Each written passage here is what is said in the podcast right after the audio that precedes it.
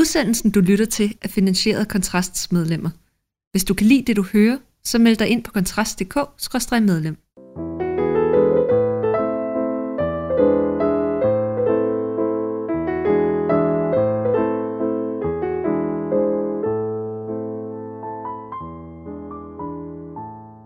Jeg er født i 1979, og dermed så voksede jeg op i en tid, hvor det var lige så naturligt at protestere mod atomkraft, som det var at tænde for vandhanen. Der var store atomkraft nej tak demonstrationer, hvor jeg deltog sammen med mine forældre, ligesom jeg også blev slæbt med til flere udgaver af Rock mod atomkraft, hvor blandt andet Bjørn Auselius og Tøsedrengene spillede.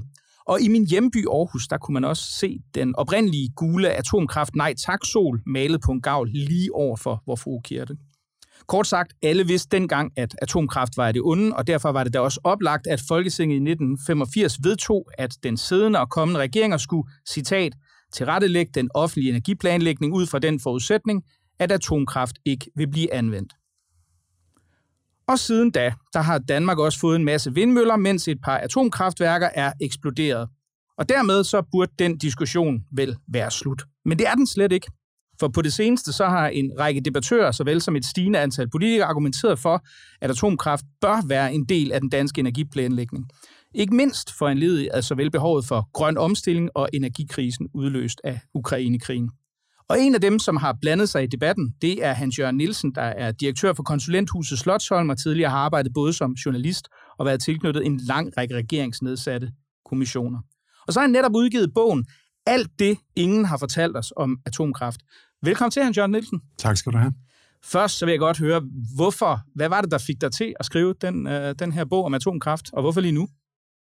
Øh, jamen, jeg ville jo ønske, at jeg kunne sige, at, øh, at jeg gik i gang med den på grund af energikrisen, men det gjorde jeg altså ikke, fordi øh, jeg gik i gang med den før. Øh, man kan sige, at det er virkeligheden, der har indhentet den. Øh, øh, jeg har altid interesseret mig voldsomt meget for emnet. Jeg synes, øh, eller man kan sige, øh, øh, klimaspørgsmålet øh, aktualiserer jo til, til hver en tid øh, spørgsmålet om, hvor vi får vores energi fra. Øhm, og så er det sådan meget konkret, at jeg for fire år siden sammen med øh, en økonomiprofessor, Stefan Andersen, skrev en bog, der hedder Farligt, som handler om en masse mekanismer, som gør, at alt muligt forskelligt øh, virker mere farligt, eller øh, forekommer at være mere farligt, end det er. Altså det der med, at det kan være, at der er nogle, nogle virksomheder, der har interesse i at fremstille noget som farligt, eller nogle politikere, eller nogle medier, der gerne vil skrive nogle gode historier, eller, og så videre, og så videre. Øhm, og det, den bog handlede om, det var alt muligt forskelligt, som pesticider, højspænding, øh, hejer, øh, terrorister, whatever. Øh, alt muligt forskelligt på tværs, hvor vi kiggede på de der mekanismer. Og en, og en ting, der gjorde sig gældende, som vi, som vi fandt ud af, det var, at vi kunne ikke nævne atomkraft blandt alle mulige andre ting. Emnet var simpelthen for stort. Så du kan sige, det faldt naturligt at sige, jamen nu har vi skrevet den bog, Øh, og nu kan jeg godt tænke mig at tage fat i en sag og prøve at kigge på, om det er de samme mekanismer, der gør sig gældende. Typisk sådan nogle mekanismer, hvor, hvor nogen får fat i en fli af et eller andet, som er sandt, og så bliver det fordrejet og overdrevet og øh, øh, forvansket til, at man øh, tror noget, der ikke er sandt. Og det skal jeg da lige love for. Altså, jeg er jo ikke overrasket, men det har jeg fået bekræftet. Der er rigtig mange af de historier, vi går og fortæller hinanden om atomkraft, som ganske enkelt ikke passer. Ja, altså man kan jo sige, at bogen er jo sådan ligesom skrevet som en, en kapitelopdel gennemgang af en række, i hvert fald udbredte påstande, hvis man ikke skulle kalde dem myter, det kunne jeg forestille mig, du vil gøre i flere, flere sammenhænge, som mange mennesker går og har om, omkring atomkraft. Men jeg skulle måske lige høre sådan også først, det, det er politisk kommunikation, du beskæftiger dig med, og journalistik tidligere. Hvorfor er du den rigtige til at skrive en bog om, øh, om, om, om myter om kernekraft? Jamen, jeg ved heller ikke, om jeg er den rigtige. Altså, det må dem, der læser bogen, øh, sige, altså, eller mene, hvad de vil om. Men altså, øh, altså hvis, hvis du har mennesker, som, som er ingeniører, så skriver de jo som ingeniør. Øh, altså, selvfølgelig, mange af dem. Øh, og, og, og det, der øh, synes jeg er med atomkraft, det er, at det har, har haft en tendens til, at, at, at, at når man læser noget om det, så bliver det lynhurtigt teknisk og uinteressant for øh, almindelige mennesker, som ikke er nørder på forhånd. Øhm, oven i det, altså, og der har jeg jo et andet udgangspunkt i og med, at jeg er, er fortælleren. Øh, så jeg tager fat i nogle gode, saftige fortællinger, der ligger rundt omkring øh, atomkraft, øh, og folder dem ud. De skulle gerne være spændende at læse. Oven i det, så kan du sige, at øh, sådan, jeg er øh, fysiker, var det jeg ikke blev øh, fordi jeg blev statskundskaber i stedet for. Øh, så jeg har altid været skabsfysiker. Så det at beskæftige mig med, øh, hvad skal vi sige, fysikken i øh, atomkraft, det er ikke noget, der øh, falder mig svært, eller ligger langt fra, hvem jeg er og hvad jeg beskæftiger mig med. Jeg har hyldemeter af den slags litteratur derhjemme. Så på den måde faldt det meget naturligt, at, det, at, det, at jeg skulle skrive den bog.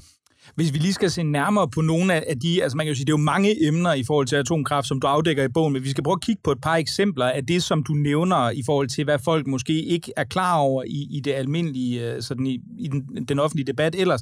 Så nævner du på et tidspunkt, at i forhold til, til øh, til den danske energiforsyning, som mange vel sådan har en intuitiv forståelse af er temmelig grøn. Der er der et tal, der hedder 10, øh, der hedder 10 procent. Kan du prøve at redegøre for, hvad er det, du, øh, du mener, der er relevant i forhold til, til forståelsen af de her 10 procent, og hvad de dækker over? Ja, det kan jeg Altså, øhm, i bund og grund, så er 10 procent af al den energi, vi bruger i Danmark, kommer fra noget, vi ikke brænder af. 90 procent af al den energi, vi bruger, kommer fra noget, vi brænder af. Det kan være olie, kul, gas eller biobrændsel. De 10, at, at, at vi kun er på 10 procent, det svarer til, hvad verden som helhed er på. Det vil sige, at når vi går og fortæller hinanden om, at Danmark har en eller anden føretrøje, så den eneste måde, du kan få Danmark til at have en føretrøje på, det er ved at bruge ordet vedvarende energi. Og hvis du bruger ordet vedvarende energi, så er biobrændsel lige pludselig inkluderet i det, vi kalder grønt. Det, der er problemet med biobrændsel, det er, at der er overhovedet ikke nogen videnskabelig enighed om, at det er grønt.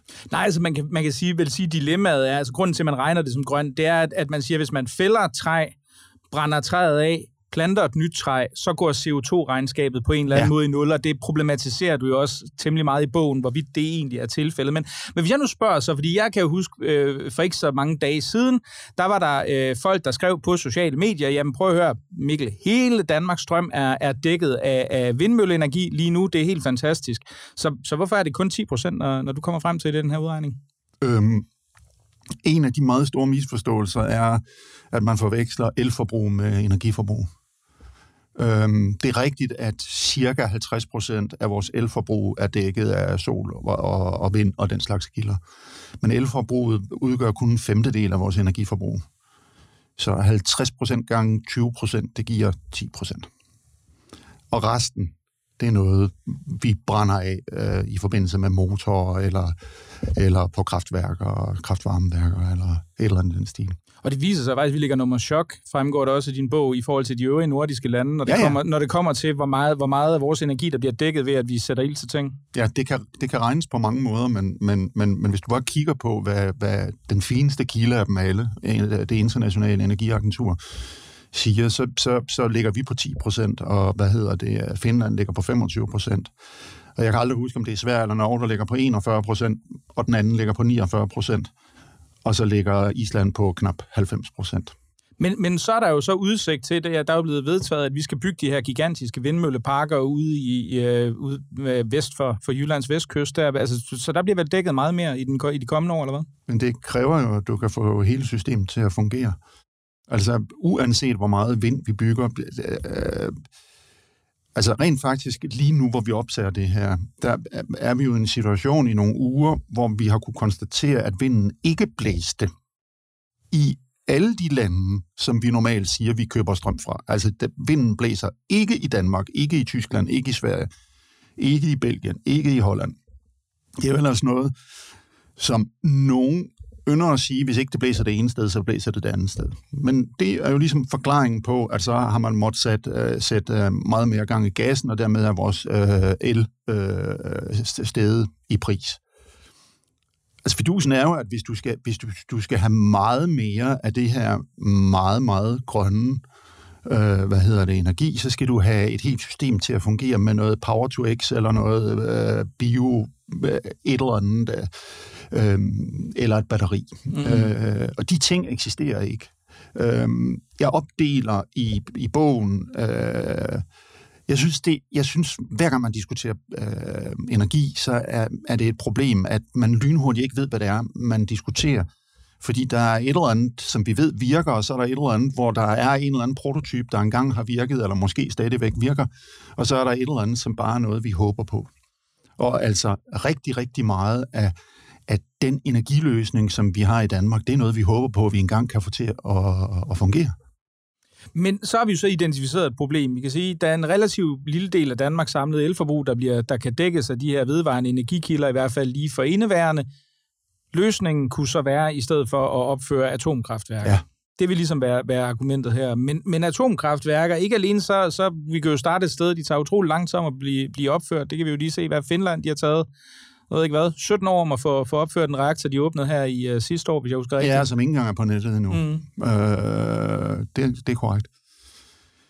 Jamen, den der, altså det er jo det moderne argument. Altså hvis du tager sådan, som du selv har, har beskrevet, så, så gennemgår jeg de argumenter, der sådan klassisk er imod at, at atomkraft, og øh, sådan de to store klassiske, det er, hvad, hvad med affaldet, og hvad med øh, ulykker. Øh, øh, det har uendelige konsekvenser, hvis, øh, hvis det går galt. Nogle af de moderne argumenter, som man hører meget nu, det, det er, det tager for lang tid at bygge, og det er for dyrt. Øh, og, og også til tider, at der, der er slet ikke uran til, at man kan... Øh, det der med lang tid, det, det er rigtigt, at øh, hvad hedder det, øh, vi har en ret dårlig track record, som med de tre seneste atomkraftværker, der er bygget i Europa. Men andre steder, altså hvis du tager for eksempel øh, det øh, sydkoreansk firma Kepco, øh, de kan bygge meget hurtigere. Øh, dem er der nogen, der har entreret med i, øh, hvad hedder det, i Polen. Øh, desuden, så det her med tid, jeg synes, det er et pudsigt argument, fordi det er ligesom om, at det står på et argument om, at en vindmølle kan man bare bygge i morgen. Hvis man bare kunne bygge en vindmølle i morgen, hvordan kan det så være, at Folketinget i 2020 laver en aftale om energiøer, og allerede 2021 må lige slække lidt på tidsplanen, og nu er forventningen, at noget tidligst kan komme op i 2033. Det er jo dog trods alt sådan 13 år fra forliget er indgået, og kan vide ikke, at der er nogen, der har tænkt tanker, inden forliget blev, blev, blev indgået. Øhm, så vi, vi er sådan oppe i den samme størrelsesorden. Altså ideen om, at store infrastrukturprojekter bare sådan lige overnight kan bygges, Øh, det er jo ikke sådan, det er. Altså, det er der ikke noget, der kan. Så, så, så ja, det kan da godt være, at det vil tage, hvis vi træffer en beslutning øh, om at bygge atomkraft, så vil et, et godt bud der være, at det tog i hvert fald 12-14 år før, der stod et atomkraftværk. Og så har jeg det selv sådan, og hvad så? Altså, øh, tror vi ikke, vi har brug for noget om 12-14 år? Altså, nu ved jeg ikke med dig, Mikkel, men altså, jeg har børn. Altså, jeg går ud fra, at de er levende om 12-14 år, og at, at de også skal bruge strøm om 12-14 år. Jamen, det kan jo være, der er udviklet noget helt fantastisk Power to X i mellemtiden, der kan lære al, kan. al vores vindmøllestrøm. Hvem ved, men, men et andet argument, så, som, og, som du også adresserer, det er jo det her med prisen. Fordi man kan jo se på, øh, i forhold til forskellige opgørelser, der, og det er, jo, det er jo særligt det, som modstander af atomkraft også øh, argumenterer for. Det er ikke alene, så tager det lang tid om at bygges. Det er også meget farligt, den kan vi komme til om lidt. Men det er også dyrt. Mm. Ja, det ved jeg godt. Altså, jamen, i udgangspunktet, så kan du ikke, du kan, regnestykket er super svært. Øh, og det kan opgøres på rigtig mange måder. Det, det er meget, meget bevidst, at jeg i min bog ikke har taget stilling til, om det er dyrt eller billigt. Øh, udgangspunktet er jo, at når du, når du kigger på, sige, hvad koster en kilowatt-time for sol og vind, øh, så er det jo en kilowatt-time, der kommer, når solen vil, eller vinden vil. Så hvis du skal lave det om til noget, hvor man kan sige, at vi vil super gerne have, at strømmen er der, når vi har brug for den, så skal du jo have det pakket ind i en teknologi, som gør, at man kan oplære strømmen. Jeg har en lille historie om, om det største batteri, som er jeg blevet fortalt, eksisterer i Europa. Altså, der var en gang, hvor vi snakkede om, at vi skulle have nogle store batterier. Der er nok nærmest en rigtig, rigtig god grund til, at vi ikke sådan på den måde har bygget de store batterier, fordi op ved, øh, hvad hedder det, på fin, altså i Finland, ved øh, Olkiluoto, som er det atomkraftværk, du lige snakkede om, der er der et batteri, som kan sørge for, at der er strøm, hvis atomkraftværket stopper af en eller anden grund. I 40 minutter. Det batteri, der kan give 1,6 gigawatt i 40 minutter, det er fem lader stort, plus en stor bygning. Altså, det er kæmpe kolo enormt. De ville kunne, hvis det var i Danmark, forsyne os med energi i et kvarters tid. Så hvis du skal basere et energisystem på vind og sol og noget, der kan oplade det, op, øh, oplære det, mens øh, vinden blæser, sådan at det kan afgive det, når vinden ikke blæser. Nu har vi haft nogle dage, hvor vinden ikke blæser, så det er jo, altså, det, det, det er jo mange kvarter. Mm. Det er mange timer, vi taler om. Det er der jo reelt ikke nogen, der kan give et bud på, hvad det koster, fordi det baserer sig på teknologi, der ikke eksisterer. Ja, og dertil kommer jo så også, altså en af de ting, som jeg synes var interessant, du skriver om, det er jo også det her med, at hvis man, hvis man begynder at se på CO2-udledningen og faktisk beskatte den, altså eksternaliteterne, det vil jo så konkret ja. være CO2-udviklingen, så kan man sige, så bliver det så, altså så kan regnestykket se noget anderledes ud, øh, eftersom en del af de energiformer, som vi har, jo faktisk vil blive beskattet hårdere. Ja, altså du kan sige, altså, det er jo altid utrolig interessant at snakke om affald fra atomkraft. Altså, det der jo er, det er, at affald fra atomkraft er atomindustriens problem. Øh, og de tager hånd på den ene eller den anden måde om deres affald. Det gør sig jo gældende for stort set, eller det gør sig jo gældende for alle andre energikilder, at affaldet er ikke noget, man tager hånd om. Og når du tager CO2-skat, så er det jo sådan en affaldsproblematik. At CO2 er et affaldsprodukt for det, vi går og brænder af. Hvis man bad dem, der udledte CO2 om at tage hånd om deres, øh, hvad hedder det, øh, alt deres affald, altså partikelforureningen og CO2, og hvad har vi, så vil regnestykket jo være fuldstændig andet. Jeg har talt også tidligere med, med, med Lars Tvede, som, øh, som den øh, forfatter og iværksætter, øh, og som også har beskæftiget sig meget med de her ting. Og, og det er som om, at mange af de indvendinger, det skal siges, du har også længere øh, et kapitel om, omkring det energibehov, som verden samlet set kommer til at have i årene fremover. Det bliver jo ganske meget større, og det forekommer ikke, i hvert fald intuitivt, videre realistisk, at det bliver dækket med vedvarende energi. Det er i hvert fald ikke noget, der er sket i særlig stort omfang, som du også selv forklarer indtil videre. Det virker lidt som om, at der er sådan en slags, hvis man tager de argumenter, som du og eksempelvis Lars Tvede præsenterer for, for gode varer, som om der er en eller anden form for selektiv politisk blindhed i forhold til mange af de her øh, grundlæggende dilemmaer, som atomkraft kunne være med til at løse. Er det en rigtig opfattelse? Altså, hvem har den selektive politiske blindhed? Altså, det, ja, det, jeg, det, jeg, mener, jeg mener i forhold til, at, at politikere burde jo være opmærksomme på mange af de samme dilemmaer, som, som knytter sig til, til en, hvad kan man sige, til en entydig satsning på, på teknologier, som eksempelvis vindmøller. Ja, men du kan sige, hvem har en interesse i at øh, gøre noget ved den blindhed? Jeg, jeg har svært ved at se, hvem der har en interesse, fordi du har et folk, en eller anden form for folkelig krav om, at vi skal have gjort noget ved den her klimaproblemstilling. Samtidig med, så er der vel næppe nogen, der forestiller sig, at vi for alvor skal have gjort noget ved den her klimaproblemstilling, altså på den rigtig grumme måde, nemlig at vi alle sammen som ligesom siger, okay, slut med det liv, vi lever, vi går tilbage til den måde, man levede på Emil for Lønnebergs tid. Fordi dengang var CO2-aftrykket meget, meget lavere. Så altså, hver mand på sin lille bondegård og grokedel og, hvad hedder det, øh, varmt vand og øh, hårdt arbejde i, øh, hvad hedder det, ude i marken, og så en, en tur til Marianelund en, en, en gang hver måned, eller et eller andet stil, for at komme på markedet eller komme til lægen.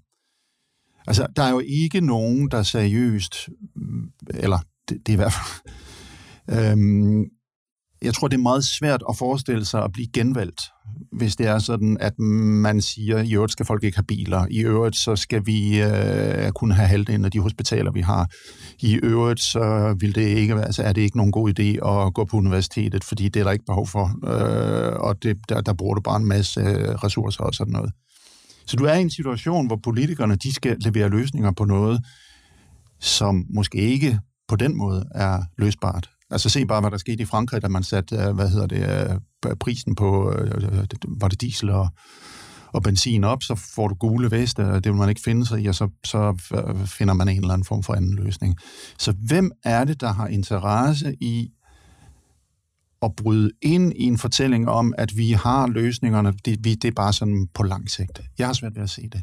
Men man skulle vel netop, nu nævner du selv Frankrig, og Frankrig er jo det de land, lande, som har et relativt, øh, af de vestlige lande, et relativt lavt CO2-aftryk per, per capita, fordi man i 70'erne, og i øvrigt ikke af klimamæssige grunde, valgte at satse meget massivt på, på, på kernekraft. Det var på grund af oliekrisen på det her ja. tidspunkt. Så man kan vel sige, hvis du var en politiker, der gerne vil sige, hey, jeg vil gerne præsentere et flot CO2-regnskab og, og vise, at vi kan reducere det til under øh, 1990-niveau, eller hvad det nu er, vi, vi er enige om, at, øh, at det skal være, jamen så er atomkraft da den oplagte øh, ting at sælge til befolkningen og sige, prøv at vi kan stadigvæk levere energi. Godt være, det bliver måske efter nogle beregningsmetoder lidt dyrere, men den er faktisk øh, en gennemprøvet teknologi. Det er ret sikkert, og, og vi kan endda også sørge for, at, øh, at det det kommer, når vinden den ikke blæser særlig Jamen, meget. det vil jo også være mit, eller det er mit argument i forhold til, at øh, jeg mener, at øh, vi i hvert fald på sådan centrum højre, øh, at øh, der er et stykke arbejde at gøre øh, i Danmark.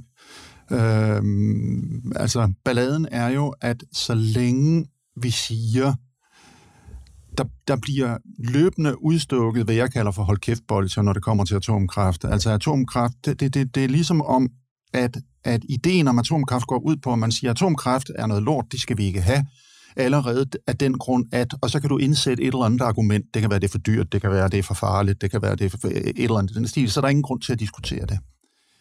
Tag et eksempel. Jeg aner ikke, om det er nogen god idé, at svenskerne snakker om, at der skal bygges et eller andet ved Barsebæk. Og det eneste, vi har at sige til, øhm, til dem fra den side, det er, at hvis I bygger et eller andet ved Barsebæk, så får I ballade med os. Man kunne godt forestille sig, og jeg ved ikke, om det er en god idé, og det er der en god grund til, at jeg ikke ved. Men øh, man kunne godt forestille sig, at man fra den side slog kontra på den og sige, hvis I bygger et eller andet ved Barsbæk, så vil vi gerne være med, og vi vil gerne være med til at finansiere det. At finansiere det. Øhm, hvorfor ved jeg ikke, om det er en god idé? Det er, fordi tanken må ikke tænkes i Danmark. Altså, der, der bliver lukket ned allerede før nogen har tænkt tanken. Jeg ved ikke, om det er en god idé, men det, det skulle man selvfølgelig have nogle embedsmænd til at kigge på, og nogle, der skulle være nogle politikere, der ligesom pegede i den retning. Sådan er det ikke i Danmark. Øh, øh, jeg introducerer et begreb i, øh, hvad hedder det, i, i, i den her bog, der hedder, øh, sådan en rigtig statskundskabsbegreb, der hedder Overtons vindue. Og Overtons vindue, det er vinduet inden for hvilket vi diskuterer politik. I Overtons vindue, der har du så noget, nogen, der går ind for Kattegat-forbindelsen, andre, der er imod. Sjovt nok, så kan man både gå ind for at være imod, eller gå ind for, at der kommer togdrift på den, eller være imod, at der kommer togdrift på den at være et ordentligt menneske. Vi er bare politisk uenige. Det samme med Arne-pensionen. Nogle synes, det er en fremragende idé. Andre synes, det er verdens dårligste idé. Det er ordentlige mennesker, der synes både det ene og det andet. Sådan forholder det sig ikke med atomkraft.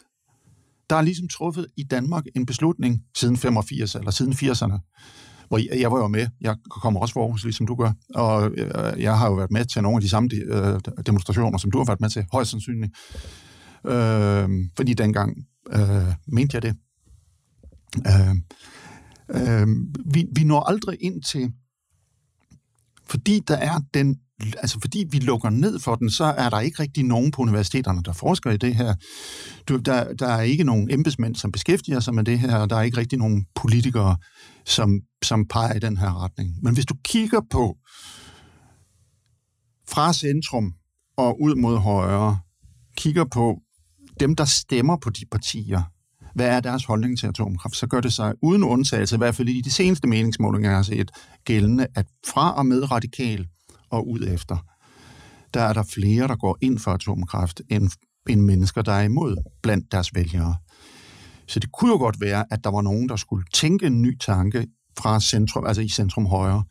Uh, har jeg sagt centrum venstre indtil videre? Mm, nej, jeg tror kun, du har sagt centrum højre. Ja, men det er også det, jeg mener. Ja. Altså, øhm, at, at, at, øhm, at, at der skulle, altså var nogle politikere, fordi det eneste, vi har, altså de eneste to partier, vi har, det er jo, øh, hvad hedder det, Nye Borgerlige og Liberale Alliancer, og, og hver på deres måde er de jo at betegne som sådan godt ude til højre, mm. på en liberal og en nationalkonservativ øh, sammenhæng. Men, men der er jo masser af andre partier, øh, om hvilke man kunne sige, var det ikke på tide, at I tænkte en ny tanke, og dermed prøvet at bidrage til at få skabt en modfortælling til den der fortælling, som du siger, er for, hvilket jeg er enig i, er forbundet med sådan en eller anden form for selektiv blindhed. Mm. At hvis bare vi er glade nok for noget, vi tror engang kommer til at virke, så, så så, spis, så spises folk af med det. Men det sjove er jo, fordi man kan sige, i, i, i samme kapitel, som hvor du beskriver Overtons vindue her, så kan man jo se, at i en række andre skandinaviske lande forholder det sig faktisk radikalt. Altså i Finland er det jo nærmest omvendt. Altså der er opbakningen jo til, til kernekraft ja. øh, er, er, er næsten lige så stor, som, som modstanden har været, i hvert fald tidligere i Danmark. Ja. Hvad, hvad er det, der er? Altså fordi nu havde jeg jo også indledningen her med, med så kan jeg så forstå vores, vores fælles baggrund med rock mod atomkraft på Vestereng og, og atomgavlen nede på, på ved, i, i ved Vestergade osv. Altså, det virker jo som, som om, at der er et eller andet særligt i dansk historie, som har gjort, at, at vi er, hvad kan man sige, næsten vaccineret mod atomkraft. Hvilket vel egentlig også er ironisk, når man tænker på, at for eksempel et land som Sverige, vi jo have nogle naturressourcer i form af vandkraft, som kunne gøre, at de kunne klare sig uden, mens vi måske var dem, det ville være mest oplagt, egentlig havde kernekraft. Jamen, altså det, det eneste, jeg kan sige, det er, jo mere jeg har sat mig ind i det, jo mere får jeg en op, altså, jo mere oplever jeg, at øh, Danmark på det her område øh, mere end noget andet ligner Tyskland. Altså, at øh, det er sådan en samme fortælling, vi har. Øh, du kan sige, der var en gang, der var den der meget, meget stærke øh, atomkraftmodstand, og den er jo så blevet understøttet af, at der, øh, ud over at de mennesker, der engang var med i organisationen til oplysning om atomkraft, altså Atomkraft Nej Tak-organisationen. De sidder jo alle mulige magtfulde steder nu. De sidder på universiteterne, de sidder på medierne, de sidder på ministergangene. Og nu om dagen er de jo understøttet af, øh, hvad hedder det, at vi har en meget, meget stærk industri, som har samme interesse. Det gjorde så jo ikke gældende dengang, vel? Så jeg synes, det er, når, når, når, når jeg læser i medier i almindelighed, så har jeg super svært ved at finde ud af, om man mener, altså om, om artikler er skrevet med henblik på, at det er godt for klimaet eller godt for dansk erhvervsliv. Det er sådan same same ofte, øh, at, at, at hvis det er godt for dansk erhvervsliv, så er det også godt for verden. Øhm, så vi har nogle meget, meget stærke interesser, ligesom man har i Tyskland, som går imod atomkraft. Men det, der jo er slående, det er jo, at, at, at hvis du kigger på landene omkring os, du siger selv Sverige og Finland, så siger jeg, og England og Holland og Frankrig. Altså, i Danmark kan vi gang på gang får, får vi at vide, at det er nemt at regne ud, at det er alt for dyrt, og det er alt for farligt, og det er alt for bla bla bla bla. Man, man regner åbenbart anderledes i Holland. Altså i Holland har de også mange vindmøller.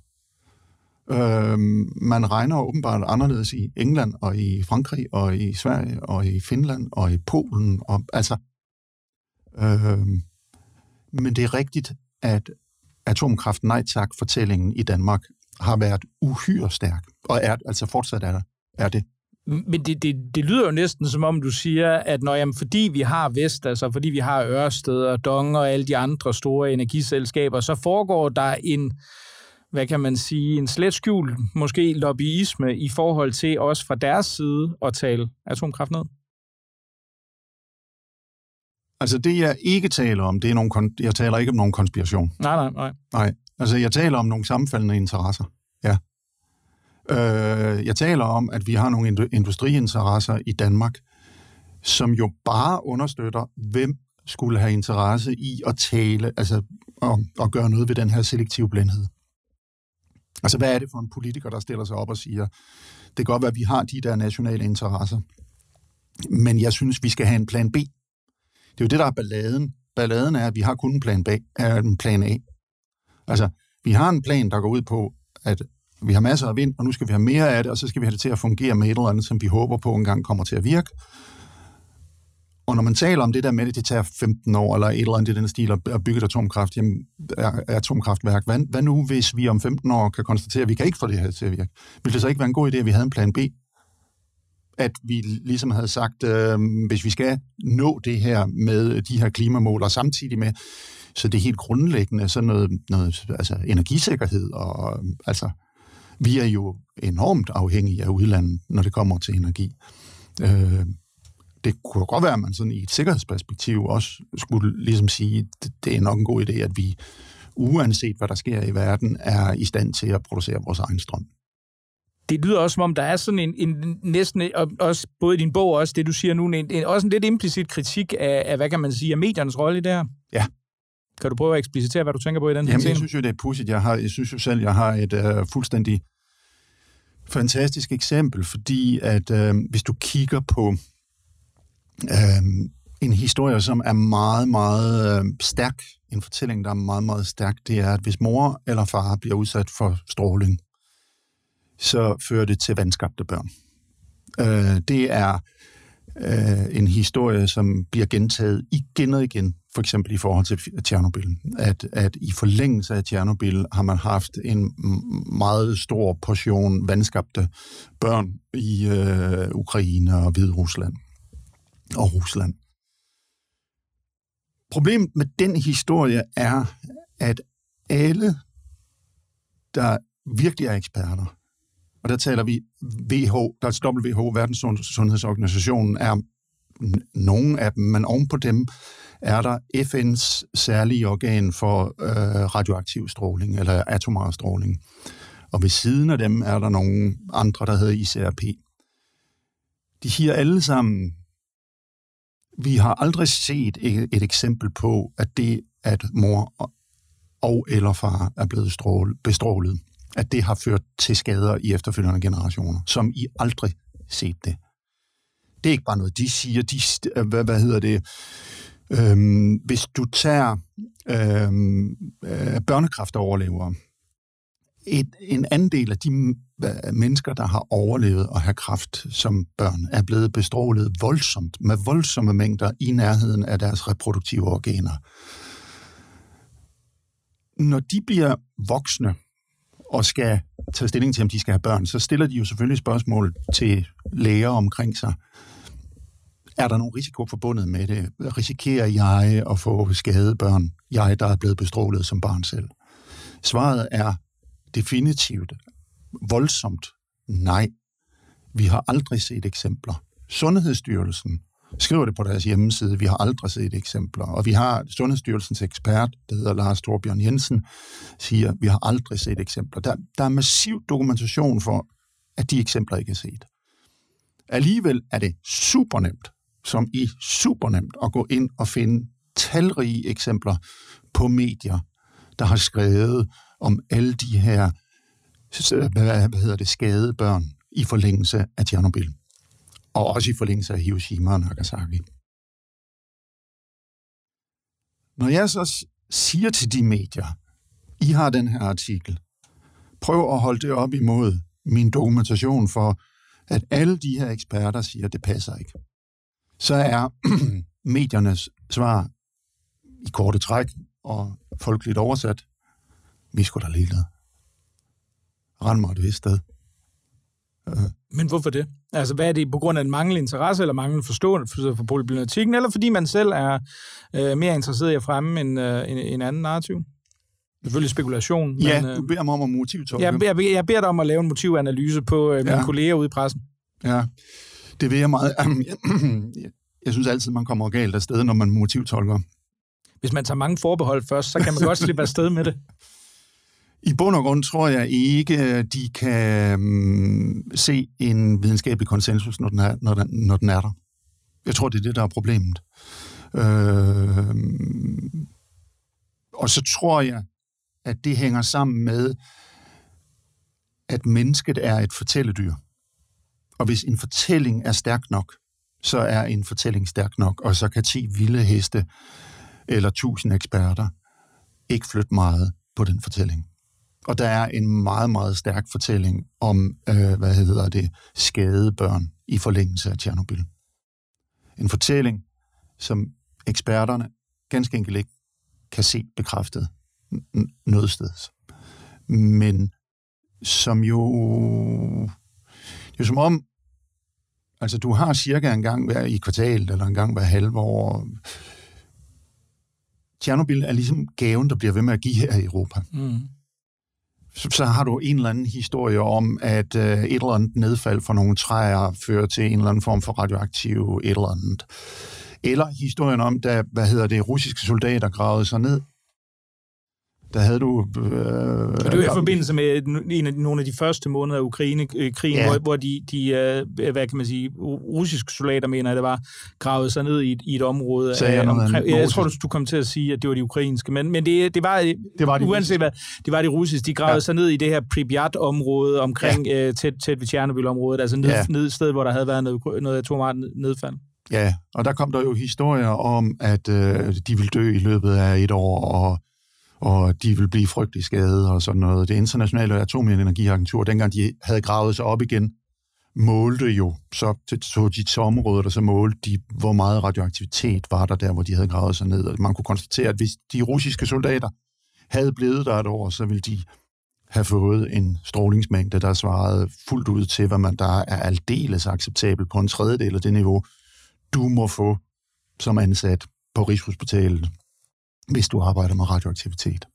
Ja, det skal, jo, det skal jo siges også, du, i, i, i samme forbindelse i din bog skriver du så også, og det synes jeg var meget pudsigt, men, men at den mængde stråling, man vil få ved et besøg i, i den her sikkerhedszone omkring Tjernobyl, den vil typisk svare til, at du vil faktisk få mere ved, alt efter hvor langt du flyver fra, men, men man vil sandsynligvis få markant mere stråling via flyveturen, end ved at opholde sig i selve sikkerhedsområdet. Ja, det tror jeg også kommer. Ja, du, du øh, anfører, du har målt, øh, har dine egne øh, målinger, ja, ja, med, egen. målinger med Geiger til, og jeg sad og tænkte, du har siddet og målt i flyet. Det må, det, det må de have undret sig over, de, øh, de gode flystewardesser. Der, Nej, det, det lader de ikke mærke til, men det har jeg.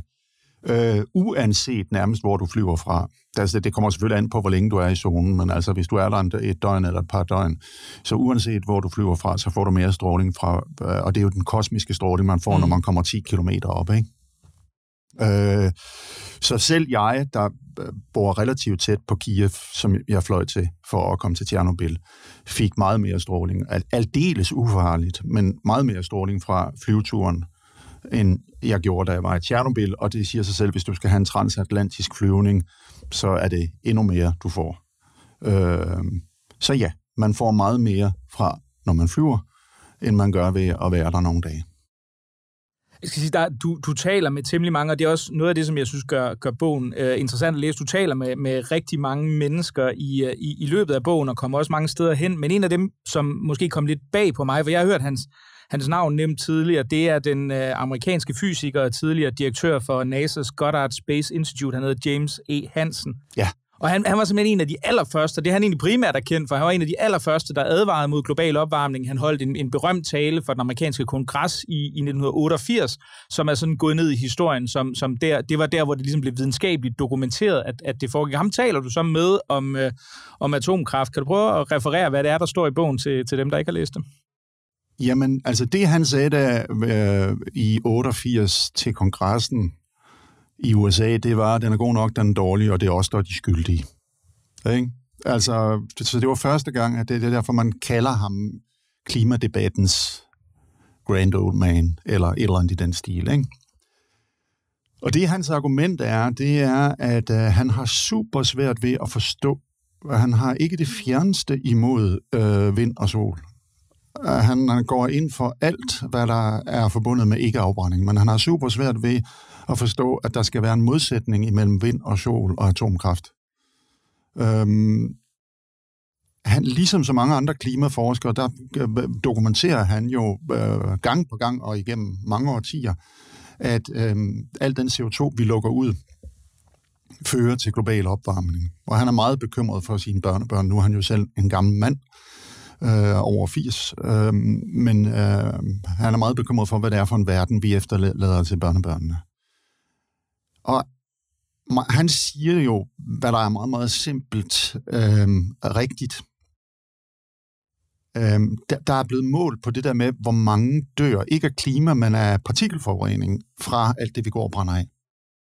Øhm, og uanset om du tager den ene eller den anden øh, måling, så ligger det omkring 6, 7, 8 millioner om året, der dør i utide af øh, hvad hedder det, alt det, vi går og brænder af. Og der kan vi jo bare lige huske, at det er 90 procent af den energi, vi bruger i Danmark, som er noget, vi brænder af. Det vil være kul, gas?